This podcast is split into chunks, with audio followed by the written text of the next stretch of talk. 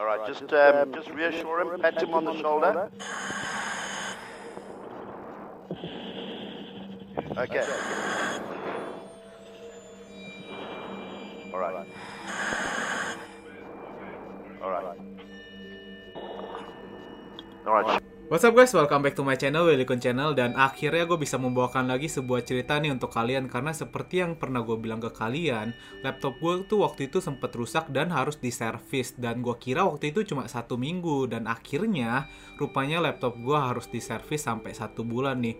Harusnya sih video ini keluar sekitar tanggal 10 atau 11 Juni lah. Soalnya gue udah ngerekam udah dari akhir Mei kemarin. Makasih banget untuk kalian yang udah selalu support channel gue Dan hari ini gue akan ceritain sebuah cerita yang sangat menarik buat kalian, yaitu seseorang yang sempat terjebak di dalam sebuah kapal yang tenggelam sedalam 30 meter selama tiga hari. Nah, kejadian ini tuh sangat unik sekali karena tidak dapat dijelaskan secara medik maupun sains karena orang yang tenggelam di dalam kapal selama tiga hari dipastikan bisa meninggal dunia. Tapi dalam kejadian ini malah dia selamat nih. Seperti di awal video tadi, tapi sebelum gue mulai menceritakan kisah ini, jangan lupa untuk selalu support channel gue dengan cara klik tombol subscribe aja di pojok kanan video kalian, kemudian klik tombol loncengnya agar mendapatkan notifikasi terbaru dari video-video di channel gue ya. Oh ya, jangan lupa juga untuk like dan share video ini ya guys. Jadi langsung aja gue akan menceritakan nih kisahnya untuk kalian. Nah, kejadian ini terjadi pada tanggal 26 Mei 2013, jadi baru banget terjadi yang terjadi di sekitar perairan Nigeria. Nah, perairan Nigeria ini terkenal dengan hasil minyak buminya di mana kayak ada tambang-tambang yang di atas laut nih seperti gambar yang kayak gini nih. Pada hari itu dikabarkan ada tiga kapal tunda di sekitar perairan Nigeria yang digunakan untuk mengangkut hasil-hasil minyak bumi ini nih. Memang kapal tunda itu seperti ini nih, kapal kecil yang digunakan untuk menarik kapal besar atau kapal tongkang yang berisikan hasil minyak bumi. Tapi sayangnya dikabarkan pada hari itu cuaca tuh bener-bener nggak mendukung banget di mana terjadi hujan yang sangat besar dan keadaan ombak yang tinggi banget jadi menghempas-hempas kapal tunda ini. Nah, kalau ombak yang besar itu bisa dihadapi oleh kapal-kapal tongkang yang besar, berbeda cerita dengan kapal tunda yang kita ketahui, kapal ini jauh lebih kecil. Jadi dikabarkan di subuh pada tanggal 26 Mei 2013, tepatnya jam 5 subuh, terjadi satu ombak yang sangat besar dan menghempaskan salah satu dari ketiga kapal tunda itu. Jadi ada satu kapal tunda yang termakan oleh ombak sehingga harus terbalik nih. Dan disayangkannya lagi, ada sebuah protokol di dalam sebuah kapal tunda di perairan itu, di mana kalau awak kapalnya atau ABK sedang tidur, mereka harus mengunci kamarnya dari dalam kamar. Karena di perairan itu dikabarkan sering terjadi perampokan atau perompakan oleh bajak laut. Nah, kebijakan inilah yang diduga menjadi salah satu hal besar yang memperlambat evakuasi di dalam kapal. Tapi beruntungnya, dari 12 ABK kapal tersebut, ada salah satu dari mereka yang bekerja sebagai koki di dalam kapal tersebut yang bernama Harrison Okane tiba-tiba di subuh itu dia ngerasa kayak perutnya nih sakit jadi dia pengen ke toilet. Jadi dia keluar dari kamarnya dan pergi ke toilet saat kejadian itu terjadi. Nah di dalam toilet ini tiba-tiba dia merasakan kayak ada goncangan besar dan dia kayak ngerasa tuh kapalnya tuh terbalik. Jadi pas saat itu juga dia langsung melihat ada air yang masuk ke dalam kapal dengan jumlah yang sangat banyak sehingga dia nggak bisa melakukan evakuasi keluar kapal nih. Dia terjebak di toilet itu dan dia menggambar menggambarkan kejadian pada saat itu benar-benar kayak air tuh benar-benar menerobos pintu dan pintu toiletnya ini nggak bisa ditutup. Dan dia juga nggak bisa keluar toilet karena tekanan air dari luar menekan pintunya dan menahan dia di dalam toilet ini nih. Bahkan di dalam toilet itu dia sempat melihat tiga kru dari kapal itu berusaha untuk pergi ke area evakuasi tapi di saat itu juga dia bersyukur karena tiga teman yang barusan dia lihat pergi ke area evakuasi terhempas ke laut bebas karena memang keadaan di saat itu tuh benar-benar nggak bersahabat.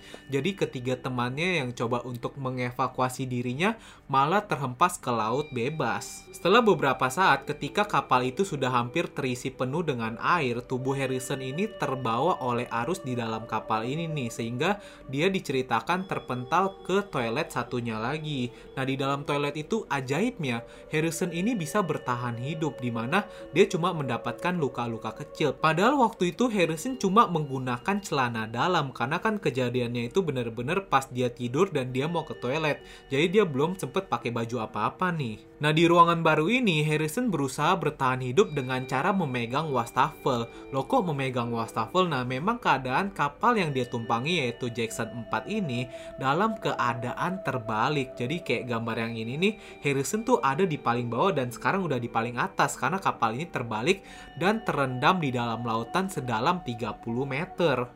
Harrison juga menceritakan keadaan pada waktu itu ketinggian air sudah setinggi 2 meter di dalam kapal dan dia benar-benar nggak bisa ngelihat apa-apa soalnya waktu itu lampu udah pada mati dia cuma bisa mendengar suara yang mengerikan dari suara kapal yang tergesek oleh lautan jadi benar-benar keadaannya tuh sangat mengerikan guys. Setelah kejadian itu, sebenarnya upaya evakuasi sudah sempat dilakukan. Nah, kebetulan ketika evakuasi itu, letak kapal yang tenggelam ini sudah diketahui dengan cara ditandai oleh jangkar kapal. Nah, ketika jangkar kapal itu diturunkan, kebetulan menabrak lambung kapal nih. Jadi ada suara besar di dalam bung gitu. Dan Harrison tuh mendengar suara kenceng ini nih dari tabrakan jangkar itu dan dia memukul dari dalam kapal. Tapi sayangnya siapa yang bisa mendengar orang yang memukul dari bawah laut? Dan sedalam 30 meter lagi. Wah, nggak bakal bisa banget orang mendengar suara itu kan. Akhirnya usaha evakuasi pertama ini dibatalkan karena para penyelam ini nggak dipersiapkan untuk menyelam ke dasar laut. Karena seperti yang kita ketahui, kalau kita mau berenang atau menyelam ke dasar laut, ada latihan khusus untuk para penyelam agar bisa menyesuaikan diri dengan tekanan di dasar laut. Karena seperti yang kalian harus ketahui, di bawah dasar laut itu tekanannya sangat berbeda. Ditambah lagi kondisi yang sangat membingungkan di mana tim evakuasi nggak percaya kalau masih ada kru yang selamat dari kejadian ini nih. Jadi daripada mengambil resiko untuk menyelam ke dasar laut, jadinya evakuasi pertama ya dibatalkan. Sedangkan keadaan Harrison yang selamat dari kejadian itu nggak berbeda jauh. Dia benar-benar udah putus asa dan merasa ketakutan sekali. Ya siapa yang nggak takut gitu. Dia terjebak di sebuah kapal di dasar laut sedalam 30 meter. Jadi udah wajar banget dia takut dan dia mengambil keputusan pada saat itu untuk berenang ke ruangan lain. Nah ketika dia berenang ini, ajaibnya lagi karena benar-benar keadaan itu udah gelap banget. Dia berhasil masuk ke satu ruangan di mana ruangan itu masih nggak tidak terendam dengan air yang cukup banyak nih. Bahkan sisa ruangan di dalam ruangan itu yang tidak terendam oleh air setinggi 1,2 meter. Jadi bisa dibayangkan di ruangan itu pasti masih sisa oksigennya nih banyak.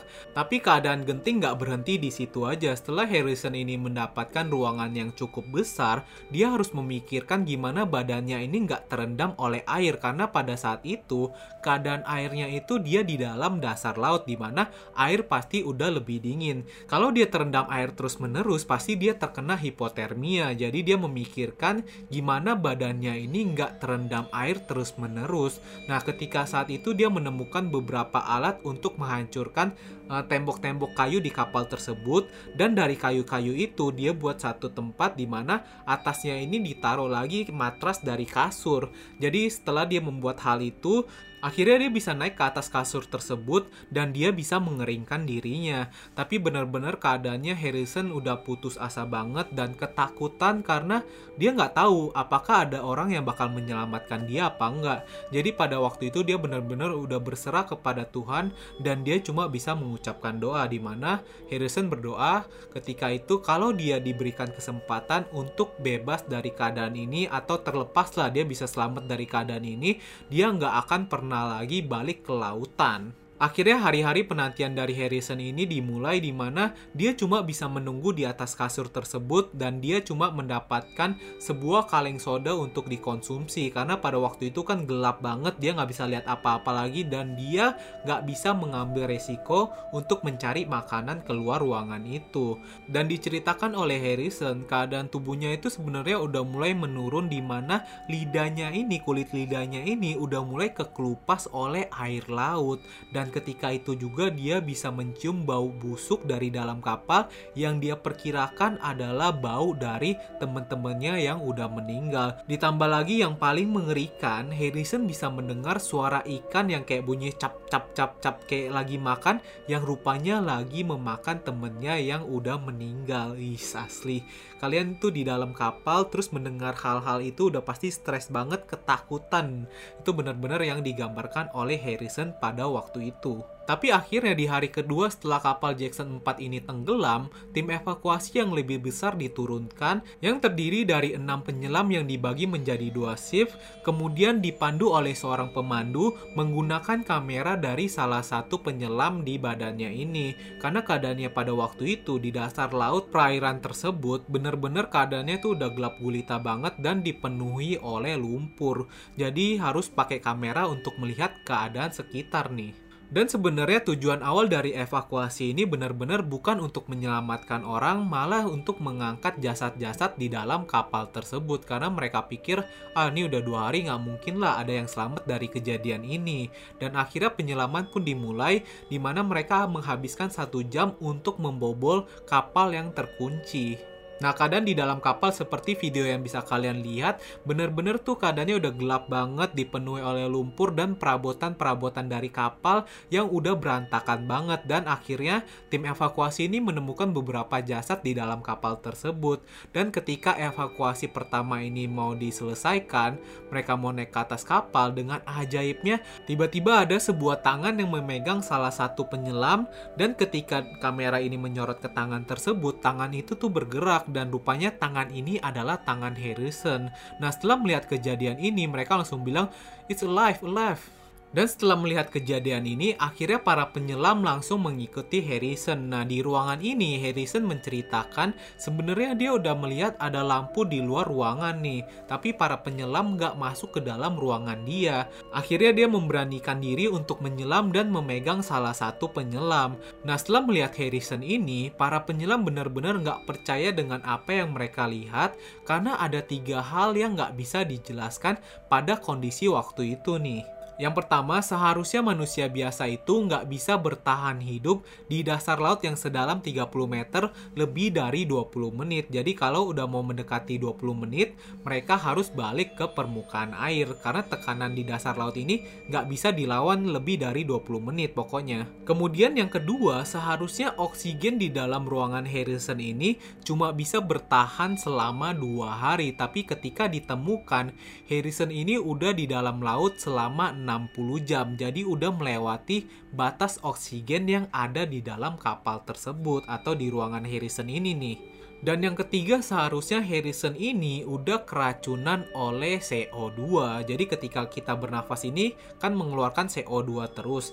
Jadi di dalam ruangan Harrison ini udah dipenuhi oleh CO2 dan ketika itu harusnya dia udah keracunan tapi nyatanya dia ditemukan masih hidup pada saat itu. Dan akhirnya pada saat itu tim evakuasi melakukan evakuasi dengan cepat di mana pertama-tama mereka menyiram badan Harrison ini dengan air hangat kemudian memberikan oksigen kepada Harrison agar dia nggak keracunan eh, CO2 di ruangan itu tuh. Kemudian permasalahan kedua yang harus dipikirkan oleh tim evakuasi adalah menyelamatkan Harrison gimana caranya bisa membawa dia dari dasar laut ke permukaan laut. Karena sebenarnya badan manusia itu harus beradaptasi dulu dengan tekanan. Jadi badannya Harrison ini tuh udah beradaptasi dengan tekanan bawah air. Kalau Harrison pada waktu itu langsung dibawa ke permukaan laut, badannya itu nggak bisa beradaptasi. Nah di sini gue takut salah jelasin. Jadi kalau kalian mau tahu lebih jelas, coba cari yang namanya itu The Bench. Jadi untuk menghindari itu, akhirnya Harrison ini ditaruh di sebuah kerangkeng yang buat hiu itu, kemudian ditarik ke atas permukaan laut secara perlahan. Akhirnya Harrison ini bisa tiba di permukaan laut tepat pada pukul 7 pagi pada tanggal 28 Mei.